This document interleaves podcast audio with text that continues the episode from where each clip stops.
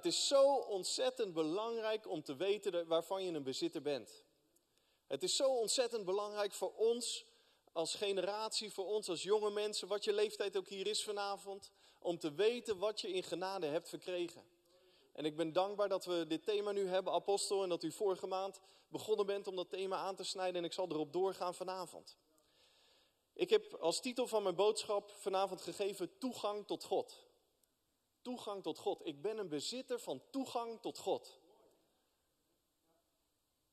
Als je kijkt naar wat Jezus is komen doen hier op aarde, dan heeft dat heel veel te maken met waar ik het net over had. Het heeft ontzettend veel te maken met dat hij zijn bloed gegeven heeft om ons te vergeven van onze zonden. Toch was dat niet het einddoel van zijn leven hier op aarde. In Johannes 14, vers 6, wat ik als een kerntekst zal nemen vanavond, beschrijft hij eigenlijk wat hij is komen doen. Jezus zegt daar tegen zijn volksgenoten, hij zegt, ik ben de weg, de waarheid en het leven. Niemand komt tot de Vader dan door mij. Als iemand tegen je zegt, ik, stel je voor je hebt iemand in je omgeving en die zegt, ik ken, ik ken de weg. Dat is alles wat diegene zegt. Hij zegt voortdurend tegen je, ik ken de weg. Ik ken de weg. De kans is groot dat je op een gegeven moment gaat vragen, waar naartoe? Wie zegt dat is een logische vraag?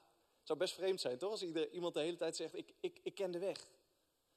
Een logische vraag die dan gesteld zou kunnen worden is, waar leidt die weg naartoe? Waar gaat die weg dan naartoe? Dat zie je in het natuurlijke al. Als je over de A2 rijdt vanuit Utrecht, dan zie je bovenaan het bord staat Amsterdam. De A2 is een weg die leidt naar Amsterdam. Een weg zonder doel is doelloos, zou je kunnen zeggen. En Jezus zegt, ik ben de weg. Ik ben de waarheid en ik ben het leven. Niemand komt tot de Vader dan door mij. Wat Jezus eigenlijk zegt is, ik ben gekomen om een weg te openen naar de Vader. Ik ben gekomen om een weg te maken waar er geen weg was, zodat jij bij de Vader kunt zijn. Dus dat is de titel van de boodschap vanavond, toegang tot de Vader. Is zo essentieel dat je dat leert, dat je dat leert en dat je dat leert te grijpen en gebruik te maken van het voorrecht dat Jezus heeft gegeven, dat je toegang hebt gekregen, niet tot zomaar iemand, maar tot de Vader. Tot God de Vader. En we gaan daarop in, induiken vanavond. Om te weten hoe revolutionair die boodschap van Jezus was, moet je ook weten hoe het was in de dagen van Jezus.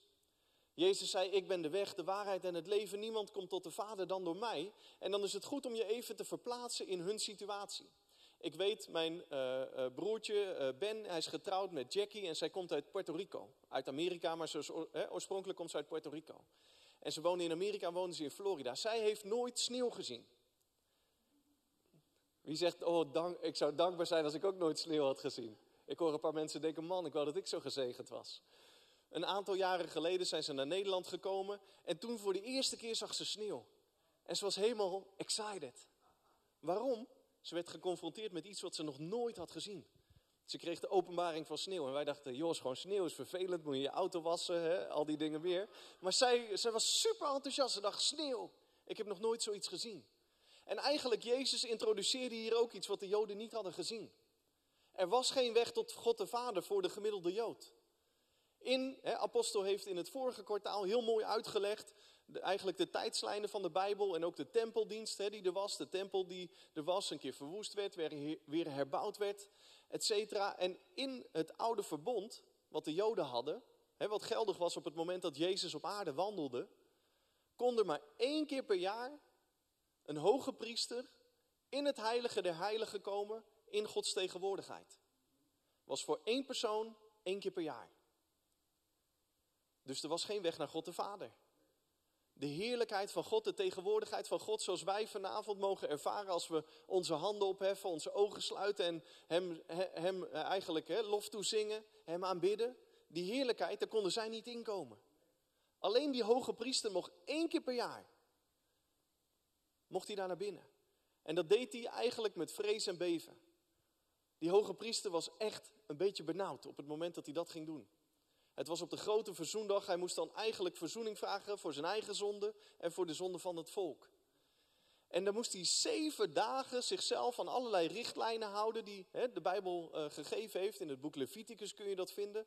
Allemaal punten en komma's waar hij zich aan moest houden om geheiligd genoeg te zijn om in die tegenwoordigheid van God te komen. Zeven dagen, moet je je voorstellen dat je zeven dagen bepaalde manieren van wassen, et cetera. En dan eindstand komt die zevende dag en dan hoop je dat je niks vergeten bent. En deze hoge priester, ze hadden er niet altijd evenveel vertrouwen in. Er wordt beschreven dat die hoge priester ging naar binnen met een touw aan zijn enkel. Een touw aan zijn enkel en er zaten allemaal belletjes aan. En daarmee stapte hij naar binnen. Dus dat moet een soort van jingle bells geweest zijn als hij daar naar binnen liep. Ik weet niet of hij dat gezongen heeft, schat in van niet, maar dat stel ik me zo eventjes voor. dus je hoort die belletjes rinkelen terwijl hij dat heilige de heilige binnengaat. Om in Gods tegenwoordigheid te zijn en om verzoening te brengen over het volk. En iemand zou zich afvragen, waarom dat touw, waarom die belletjes? Nou, dat was zo, want als hij iets vergeten was, als hij iets niet helemaal perfect gedaan had, dan was de kans groot dat wanneer hij geconfronteerd werd met die heiligheid van God, dat hij dood neer zou vallen. En dan moesten ze hem uit dat heilige de heilige trekken, want niemand kon daar komen, alleen de hoge priester mocht er komen. Dus Jezus zegt dit tegen een, tegen een volk die denkt toegang tot God, toegang tot God de Vader, toegang tot zijn heerlijkheid. Hoe bedoel je, dat kan alleen de hoge priester en dan maar één keer per jaar. En we zijn niet jaloers op hem, want dat, hè, dat, moet je wel heel geheiligd zijn om daar te kunnen komen. Jezus kwam om dat radicaal te veranderen. Jezus kwam om dat radicaal te veranderen. Hij kwam om een weg te maken waar geen weg is. Hij kwam om een weg te maken met zijn leven, zodat jij en ik gewoon zoals we zijn kunnen komen in Gods tegenwoordigheid. De Bijbel zegt, laat ons met vrijmoedigheid komen voor de troon van genade. Om hulp te vinden tot gelegene tijd. Wij komen niet alleen tot een natuurlijke heilige de heilige, we komen in de hemelse gewesten in een geestelijk heilige der heiligen. Als we, God, hè, als we bij God zijn, als we aanbidden, als we Hem groot maken, als we in gebed zijn, als we in Zijn tegenwoordigheid staan, dan is het als het ware alsof we in het hemelse heilige der heiligen staan.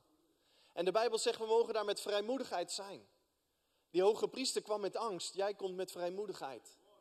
Waarom? Jezus is de weg. Wij komen daar niet om te staan in onze eigen heiligheid. Als we zouden bezig zijn met al onze fouten en onze tekortkomingen, zou je denken: broer, ik ga niet aanbidden vanavond. Ik verstop me achter die piano. Maar wij komen niet zo voor God. Wij komen bij God de Vader langs die levende weg van Jezus. Wij komen omdat Hij de wegbereider is geworden. Dus wij hebben toegang tot God verkregen. Wie is hier vanavond dankbaar dat je leeft onder het nieuwe verbond? Dat je met vrijmoedigheid bij God mag komen. Dat Hij een hulp voor je is.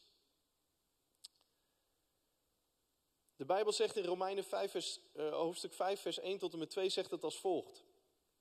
Als je notities maakt, is het goed om dat op te schrijven. Romeinen hoofdstuk 5 en dan vers 1 tot en met 2.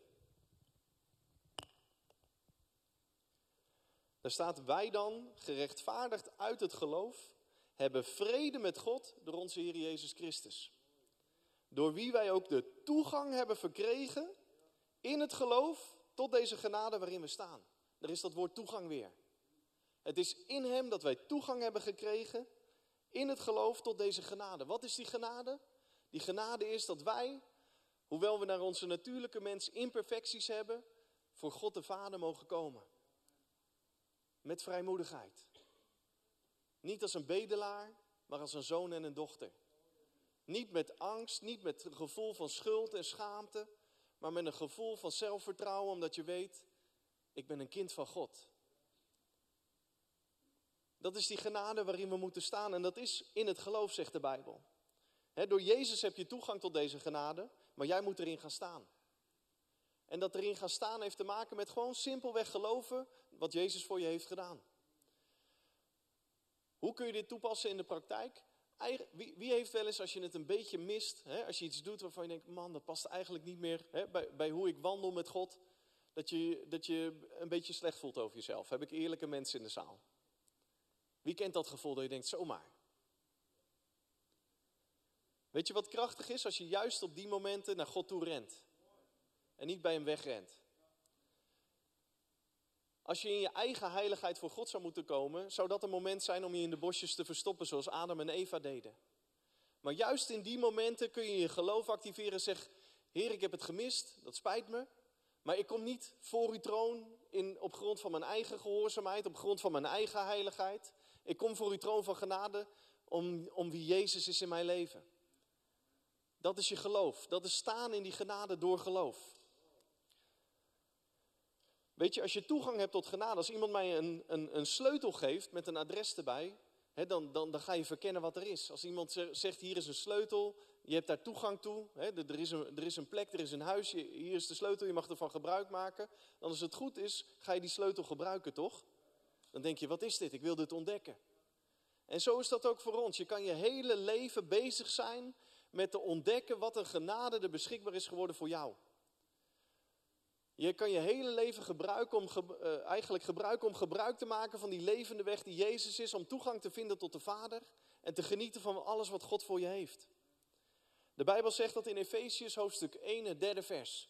Er staat, gezegend zij de God en Vader van onze Heer Jezus Christus, die ons met allerlei geestelijke zegen in de hemelse gewesten gezegend heeft in Christus. Wat mooi is in dit tekstgedeelte is dat je de hele drie-eenheid is op het toneel. Er staat gezegend zij de God en Vader, dat is God de Vader. Van onze Heer Jezus Christus, dat gaat over onze Heer en Heiland. Die ons met allerlei geestelijke zegeningen in de hemelse gewesten gezegend heeft. Waar? In Christus. Dat is de Heilige Geest. Dus het is God de Vader die de zegen geeft. er staat de God de Vader van onze Heer Jezus, die heeft de zegen gegeven. Jezus is degene die is de weg naar die zegen toe. En Christus is degene die je in die zegen leidt. God geeft, Jezus baant de weg en de Heilige Geest toont de weg. God geeft, God de Vader geeft, Jezus is de geopende weg en we hebben de Christus, we hebben de Heilige Geest nodig om ons de weg te tonen. Dat is openbaringskennis. Dat is rema woorden van God. Dat is verlicht de ogen van mijn hart. Zodat ik mag zien hoe groot de hoop is die uw roeping wekt. Dat is het werk van de Heilige Geest. Hij toont ons die volheid van wat de Vader gegeven heeft. Je zou kunnen zeggen, hè, op zondag als je mensen ziet of bij een PPY, hey, fijn je te zien, je bent gezegend. En het is aardig om dat te zeggen, je bent gezegend. we geloven, we zijn gezegend. De Bijbel zegt het in Efesius 1, vers 3. Maar als je aan die geloofsuitspraak, ik, je bent gezegend, geen daden toevoegt, dan kom je niet in de diepte van die zegen.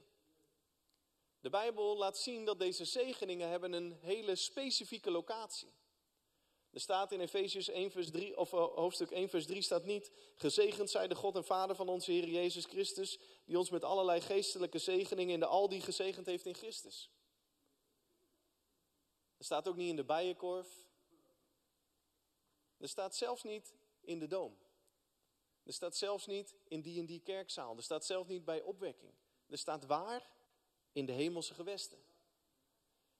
En nu, als je hier in de doom bent, dan hè, sluit je aan bij de hemelse gewesten. Dus in die zin is die zegen wel degelijk hier. Maar het laat zien, het heeft een specifieke plek in de hemelse gewesten.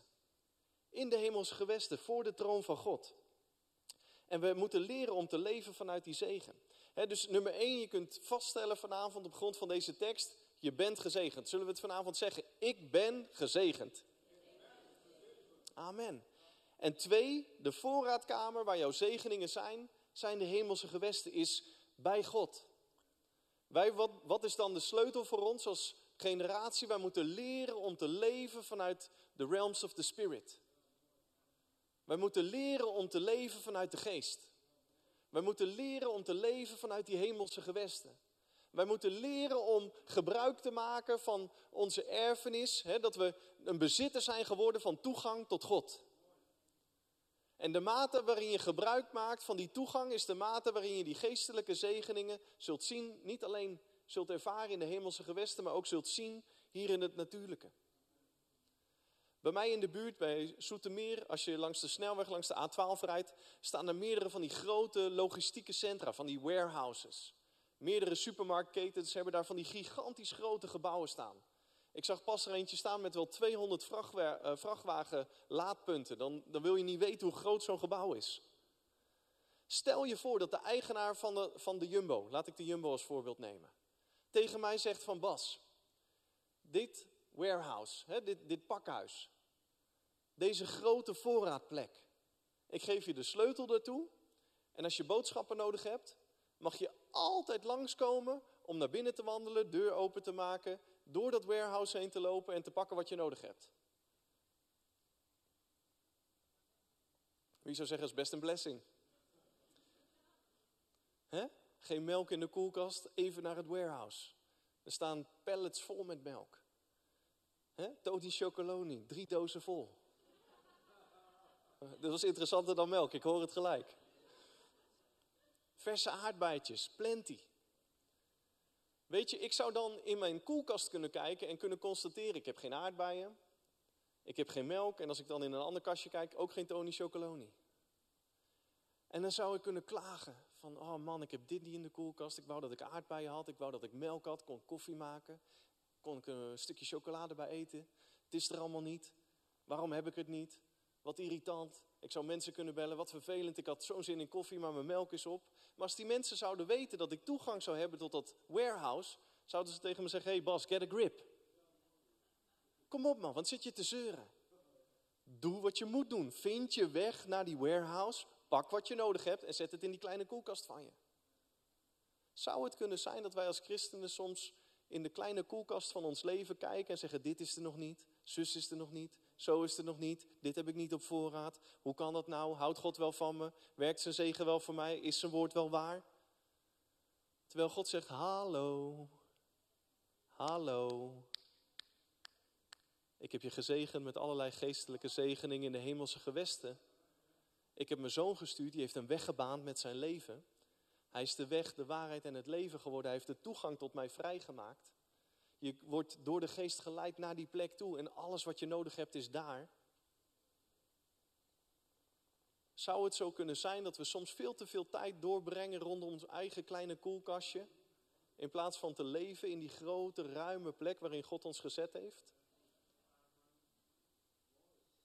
Zou het kunnen zijn dat we onder ons niveau leven, omdat we gewoon op de verkeerde plek leven heel vaak? We zijn geroepen om te leven uit de geest. De zegen is daar. We zijn geroepen om geleid te worden door de geest. Als je je niet laat leiden door de geest, kom je ook niet in die plek van zegening. De Bijbel zegt, wie, hè, alle die door de geest van God geleid worden, zijn zonen Gods. Een zoon kan van alles gebruik maken wat er in het huis van de vader is. Maar wat is de voorwaarde daarvoor? Word je door de geest geleid. De geest van God leidt ons altijd naar de Vader. Leidt ons altijd naar die rijke plaats toe. Maar de vraag is, laten we ons leiden door de geest of laten we ons leiden door onze ziel? Ons verstand, onze wil, onze emotie. Zijn we misschien 300 mensen aan het bellen over hoe lastig het allemaal is in plaats van te praten met de geest van God? Om ons de weg te tonen naar de Vader, om daar te hulp te vinden de Bijbel zegt het, hulp te vinden te gelegene tijd. God is een helper. Alleen hij helpt vanuit een plek. Voor de troon van zijn genade, vanuit die hemelse gewesten. Wij moeten leren om te leven op het niveau waarop we geroepen zijn. Er staat in Christus, leef in de salving van de Heilige Geest. Weet je, muziek komt in een christenleven als je, gezien, als je gaat zien dat wat Jezus gedaan heeft voor jou, en dat je, wanneer je gaat leven uit de geest, dat je gaat van overleven naar leven. Heel veel christenen zijn aan het overleven. Je bent niet geroepen om te overleven, je bent geroepen om te leven. Dit nu is het eeuwig leven, Hem te kennen. Leven zit in onze relatie met Hem, zit in ons constant contact met de Heilige Geest. De apostel noemde het vorige maand. Dat is de plek waar dat leven stroomt. We zijn geroepen om van overheerst te worden naar regeren. Voordat ik Jezus aannam in mijn leven, werd ik overheerst door veel dingen. Door karaktereigenschappen, door zwaktes in mijn, hè, in mijn leven. Misschien zelfs door, hè, door, door, door verslavingen. U zult het niet zeggen, maar ik was een roker. Ik was altijd aan het roken in mijn studententijd. En toen kwam ik bij Jezus en toen dacht ik, hé, hey, ik, ik, ik kreeg door dat ik een tempel aan het vervuilen was. Ik denk, dit hoort, niet bij, dit hoort niet bij het leven van een christen. Ik zeg, Heilige Geest, wilt u me er vrij van maken? En heeft me er vrij van gezet. Voor het kruis werd je misschien overheerst door dingen. Zaten dingen op jouw nek.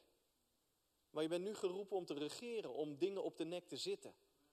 De Bijbel zegt op slangen en schorpioenen zul jij treden. Niet slangen en schorpioenen krioelen over jouw rug heen. Soms als ik met christenen praat zou je denken dat de Bijbel zegt... slangen en schorpioenen zullen over je nek heen kriebelen.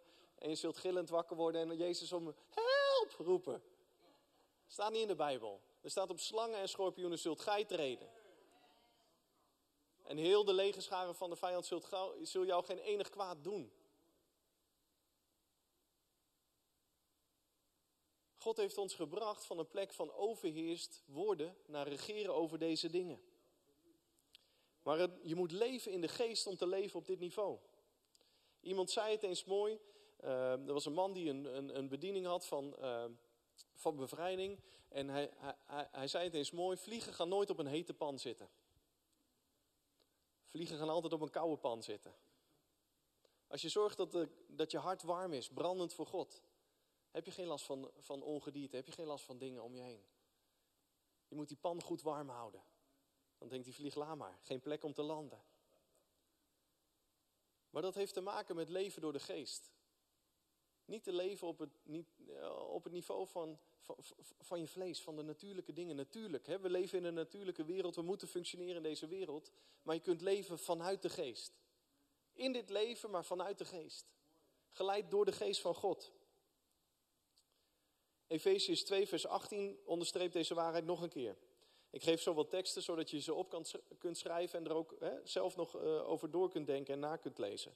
Er staat, want door hem hebben we beide in één geest de toegang tot de Vader. Dit laat het nog een keer zien. Wat is Jezus komen doen? Hij is, hij ons toegang komen geven tot de Vader. Toegang tot de Vader. 1 Corinthians 2, vers 12 zegt het, onderstreept het op een andere manier. Er staat, wij nu hebben niet de geest van de wereld ontvangen, maar de geest uit God, opdat wij zouden weten wat ons door God in genade geschonken is. God wil dat je dingen weet. We zeiden net, God de Vader is de gever, Jezus is de weg en de Heilige Geest toont ons de weg. En dat is wat de Heilige Geest doet. Dit is het werk van de Geest. We hebben niet de geest van de wereld ontvangen, maar de geest uit God, opdat wij zouden weten wat ons door God in genade geschonken is. Dit is wat de Heilige Geest wil doen in jouw leven. Als je omgaat met Hem, wil hij je openbaringskennis geven over wat jou in genade geschonken is door God. Als je dat omdraait, hè, omgekeerde logica, betekent het dus dat als je geen omgang hebt met de Heilige Geest, als je geen constant contact hebt met Hem, dan zullen er altijd dingen zijn die God je in genade wel geschonken heeft, maar waarvan jij nooit zult genieten. Door gebrek aan kennis. De Bijbel zegt het in Hosea al. Mijn volk gaat ten gronde door gebrek aan kennis. Het gaat niet over kennis, hè, zoals de schoolexamens waar we nu voor aan het leren zijn. Althans, sommige van ons. Ik ben dankbaar dat ik dat gehad heb in mijn leven. Ik heb veel gestudeerd. Maar, uh, en, en af en toe moet ik nog een beetje studeren op werk. Maar zonder een centrale examens, dank u Jezus. Dat hebben we gehad. En voor, we hebben al gebeden voor genade, dus ik mag dit zeggen zo. Maar de Heilige Geest wil ons leiden in die volle genade die God heeft gegeven. Maar om door de Geest van God geleid te worden, moeten we constant contact hebben met Hem. Moeten we gebruik maken van dat voorrecht van toegang tot de Vader. Moeten we gebruik maken van die vrijmoedigheid om te komen voor de troon van genade. Je kunt drie dingen halen uit 1 Corinthians 2, vers 12. Eén, je hebt de geest van God ontvangen om met Hem in relatie te leven. Het is niet zo als je de Heilige Geest vraagt van Heilige Geest wil je me laten zien wat uh, God de Vader voor mij heeft in mijn leven. Dat hij denkt wat een stomme vraag, ik heb daar nu geen zin in hoor. Het is uh, zaterdag drie uur, ik heb al een miljard gebeden van andere christenen beantwoord vandaag. Laat me even met rust. Nee, de Geest van God heeft dit als zijn bediening. Hij leidt ons in de volle waarheid. De Bijbel zegt hij doorzoekt zelfs de diepte van Gods hart en brengt het ons te boven. Het is de bediening van de Heilige Geest om licht te geven over onze erfenis. Hij doet niets liever dan openbaring geven over wat je in genade geschonken is. Dat is wat hij doet. Hij toont ons de weg naar de volle waarheid, die volle genade. Dat betekent dat je hem nooit kunt overvragen. Als iemand ijs aan het verkopen is, ik was vorige week met mijn dochtertje Noah ergens even een ijsje halen. En er stond een rij, echt gewoon uh, uh, drie rijen dik als het ware, helemaal tot aan de straat. En er stond één mevrouw ijs te scheppen. En ze schepte dat de leven ervan afhing. Het was mooi weer, veel mensen gingen even voor een ijsje. En ze bleef maar scheppen, bleef maar scheppen. En toen wij uiteindelijk, dank God voor de vruchten van de geest, geduld, halleluja. Als je het van nature niet hebt, kun je het van hem krijgen. En dat is geen amen aan deze kant, maar een omi. Toen ik eindelijk daar was, zei ik, goh, Succes met de drukte. Ze, ja, maar dit is mijn werk. Met andere woorden, ze zegt, ja, ik sta hier toch hè, om ijsjes uit te serveren. En ze deed het met een glimlach.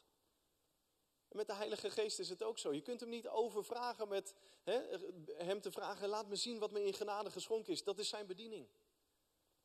Hij is een parakletos, hij is een helper. Hij is door God gegeven om ons inzicht te geven in wat ons in genade is geschonken. En je kunt dat dus nooit ontdekken zonder die relatie met Hem. Zonder constant met contact met de Heilige Geest zul je in je christenleven altijd onder het niveau leven van de genade die God voor je beschikbaar heeft gemaakt.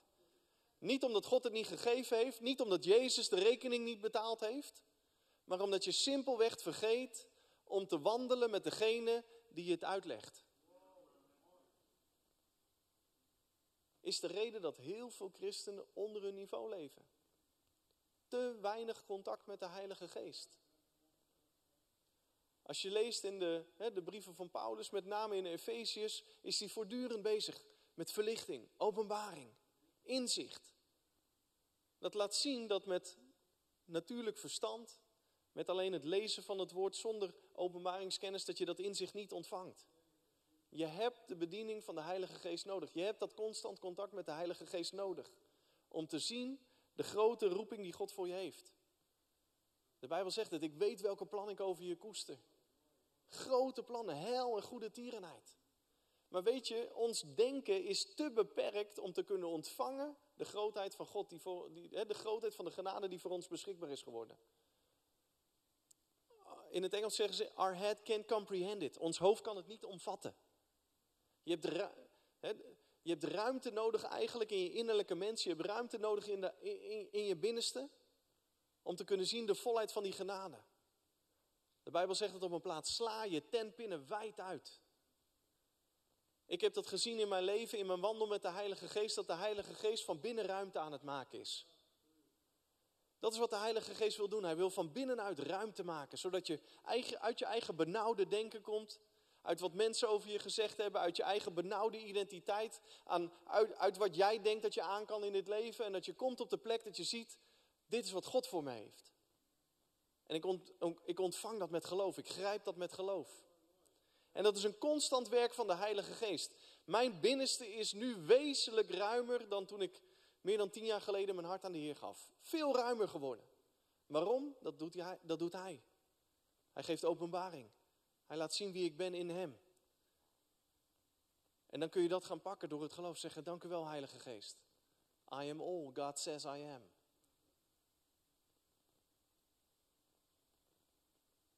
Hoe maken we gebruik van onze toegang tot de Vader? Efesius 2, vers 5 en 6 zegt het volgende hierover. Er staat, hoewel wij dood waren door de overtredingen, zijn we mede levend gemaakt met Christus. Door genade zijt gij behouden en hij heeft ons mede opgewekt en mede een plaats gegeven in de hemelse gewesten in Christus Jezus. Jij hebt een plaats gekregen. Je hebt een plaats gekregen in de hemelse gewesten. Dat is jouw adres geworden. Je mag daar komen, je hoort daar thuis. Alleen we moeten daar gebruik van maken. We moeten leren om te leven daar. Dit is een uitnodiging, eigenlijk is deze tekst is een uitnodiging aan jou en aan mij om geactiveerd geloof te hebben om te leven op Gods niveau. God daagt ons hiermee uit. Hij zegt: Kom op mijn niveau leven. Kom op mijn niveau leven. Ik legde het dinsdag aan de mensen in Dordrecht uit. Ik zeg: Weet je wat soms het probleem is? Een mens is een geest, heeft een ziel en woont in een lichaam. En op zondag zijn we geestelijk geactiveerd. Leven we in de scheppingsorde van God. We komen om Hem te aanbidden, we komen in gebed. Misschien zit je in de auto al, reba santo roboyeste. helemaal enthousiast en on fire om het woord van God te ontvangen. En, en dat, geeft dat geeft je ziel. Misschien werd je ochtends nog wakker met een beetje een cranky feeling. Maar als je op die manier Gods tegenwoordigheid binnenkomt, komt die ziel ook tot rust. En je lichaam voelde zich misschien moe, maar die denkt, ja, als de geest en de ziel gaan, dan volg ik maar. dus op zondag ben je on fire, maar dan op maandag leven we uit ziel, lichaam en, oh ja, geest. Ja. En op dinsdag is het lichaam, ziel, geest, vraagteken.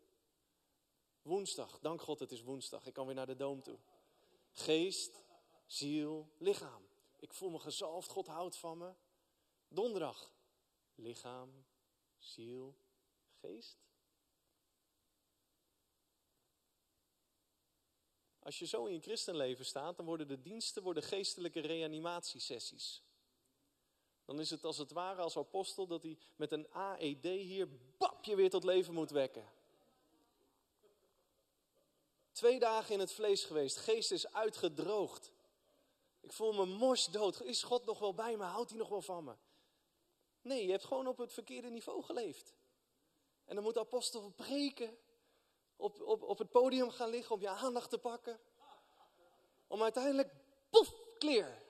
En we hebben de geest, weer, de geest is weer wakker geworden. Maar donderdag, vrijdag, zaterdag wordt die geest weer uitgehongerd, uitgedro uitgedroogd. Krijgt niet te eten, niet te drinken. En dan moet op zondag apostel weer werken.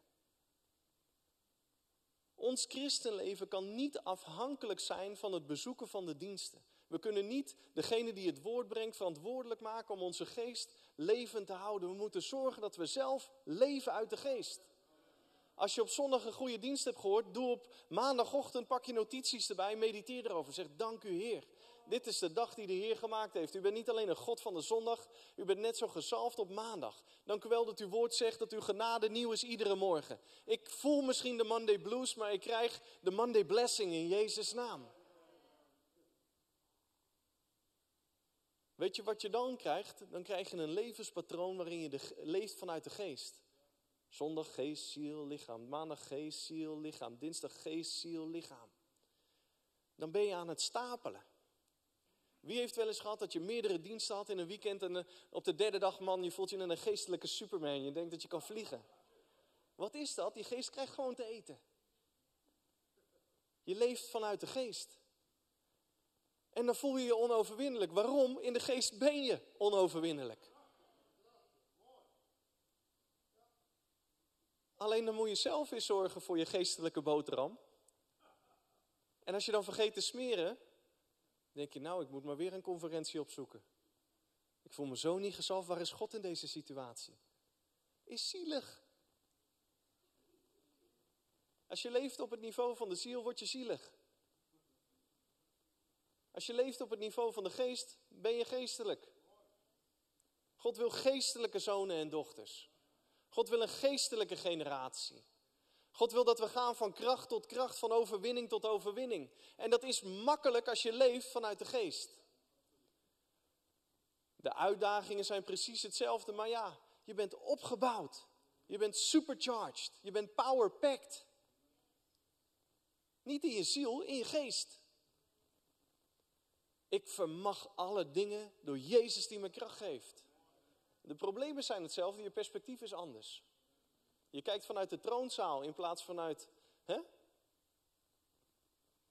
het natuurlijke. Je gevoel. We hebben toegang tot de Vader verkregen. Wij zijn iedere dag welkom voor die troon van genade.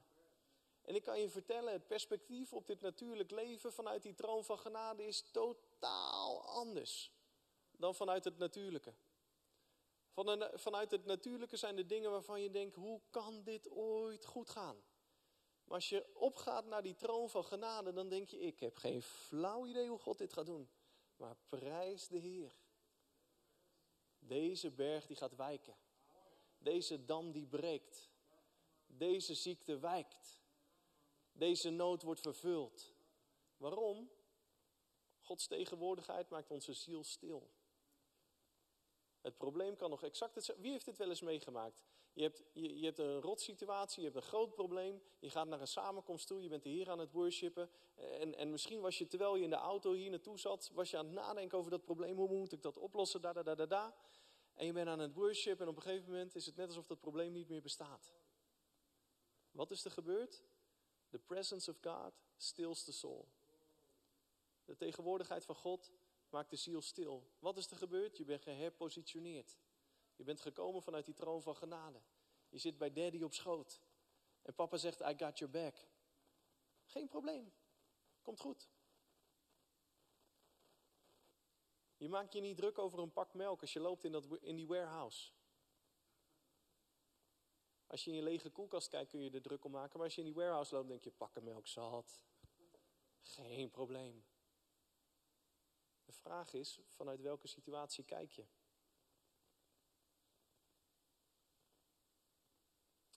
Als je kijkt naar Gods troonzaal, die troon van genade, en je zou dat moeten beschrijven, dan is dat eigenlijk de zetel van alle kracht en heerschappij. Het is de plaats waarvan God regeert over alle koninkrijken, over alle machten. Waar hij heerst over alle zaken die de mens aangaan. In vanuit de troonzaal ziet hij ook iedere stap die de Satan maakt. En hij bestudeert iedere gedachte van de mens. Het is het totale perspectief van God de Vader en zijn totale power is beschikbaar daar. De Bijbel zegt, the eyes of the Lord go through, and through, throughout the whole earth. de ogen van God doorzoeken de ganse aarde om krachtig bij te staan. Diegene wiens hart volledig naar hem uitgaat.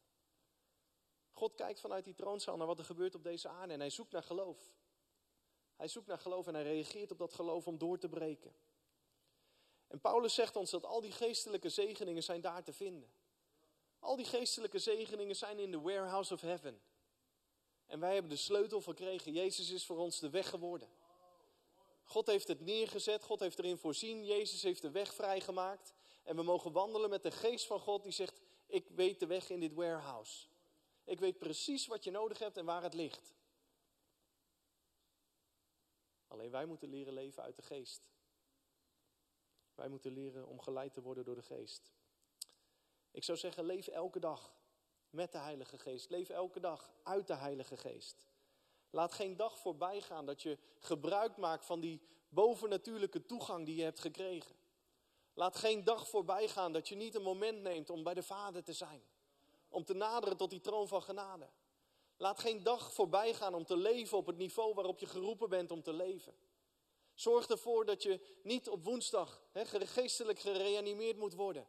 Maar dat je komt hier op woensdag en op zaterdag, als we een PPY hebben, op zondagmorgen. Om toe te voegen aan de atmosfeer van de geest in zo'n zaal. Te zeggen, ik kom gezalfd in deze plek. Ik kom niet om gezalfd te worden, ik kom gezalfd in deze plek. Ik kom om het woord van God te horen, ik kom om openbaring te ontvangen, maar ik kom met een brandend hart. Dan wordt de samenkomst wordt anders. Omdat je gepositioneerd bent gekomen. En dan ga je groeien, dan ga je in dat pad van glorie tot glorie. Iemand zei het is mooi en daar ga ik mee afsluiten vanavond. Mijn tijd staat al een tijdje op nul, dus ik ga er nu naar luisteren. Iemand denkt, waarom kijkt hij alleen naar de eerste rij? Dan zie ik die klok niet.